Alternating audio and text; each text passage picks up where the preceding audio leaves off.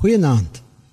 Naomi sê by geleentheid in Rut 1 vers 20: Moet my nie meer Naomi noem nie, maar noem my Mara, want die lewe het vir my bitter geword.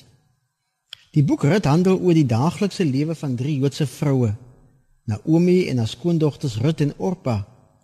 Daar's natuurlik ander mense ook in die verhaal.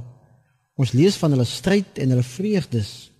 Ons lees van die mooi en die minder mooi oomblikke in hulle lewens. Ons lees van verlovings en troues en verhuisings. Ja, daar is selfs die geboorte van 'n kindjie. Maar daar's ook in die verhaal trane, begrafnisse, afskeidsgeleenthede en 'n tekort aan voedsel, maar ook die ontstaan van nuwe geleenthede. Dis die lief en die leed van drie vroue wat in hierdie verhaal afspeel.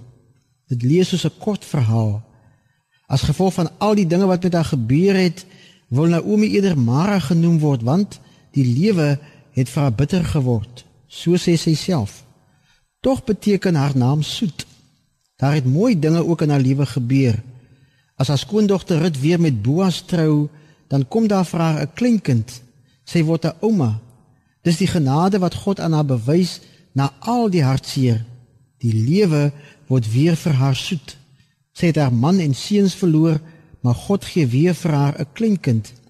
Die merkwaardige is dat hierdie kindjie Obed die voorvader van Dawid was en Dawid in die geslagsregister van Jesus voorkom. Wat 'n merkwaardige storie. Naomi en Rut leer dat die Here altyd voorsien en beskerm. Hulle besef dat God altyd saam beweeg en teenwoordig was by elke oomblik van hulle lewens. Deur hulle lewensreis was God altyd daar al was dinge ook soms swaar. Die dinge wat in die lewens van Naomi en haar familie afgespeel het, vind ook tog daagliks in ons lewens plaas. Ons beleef maar die bitter en die soet van die lewe. Ons staan ook soms net stil by 'n afskeidsgeleentheid of 'n krisis. Ook ons vee soms trane weg, ervaar tekorte en raak hartseer.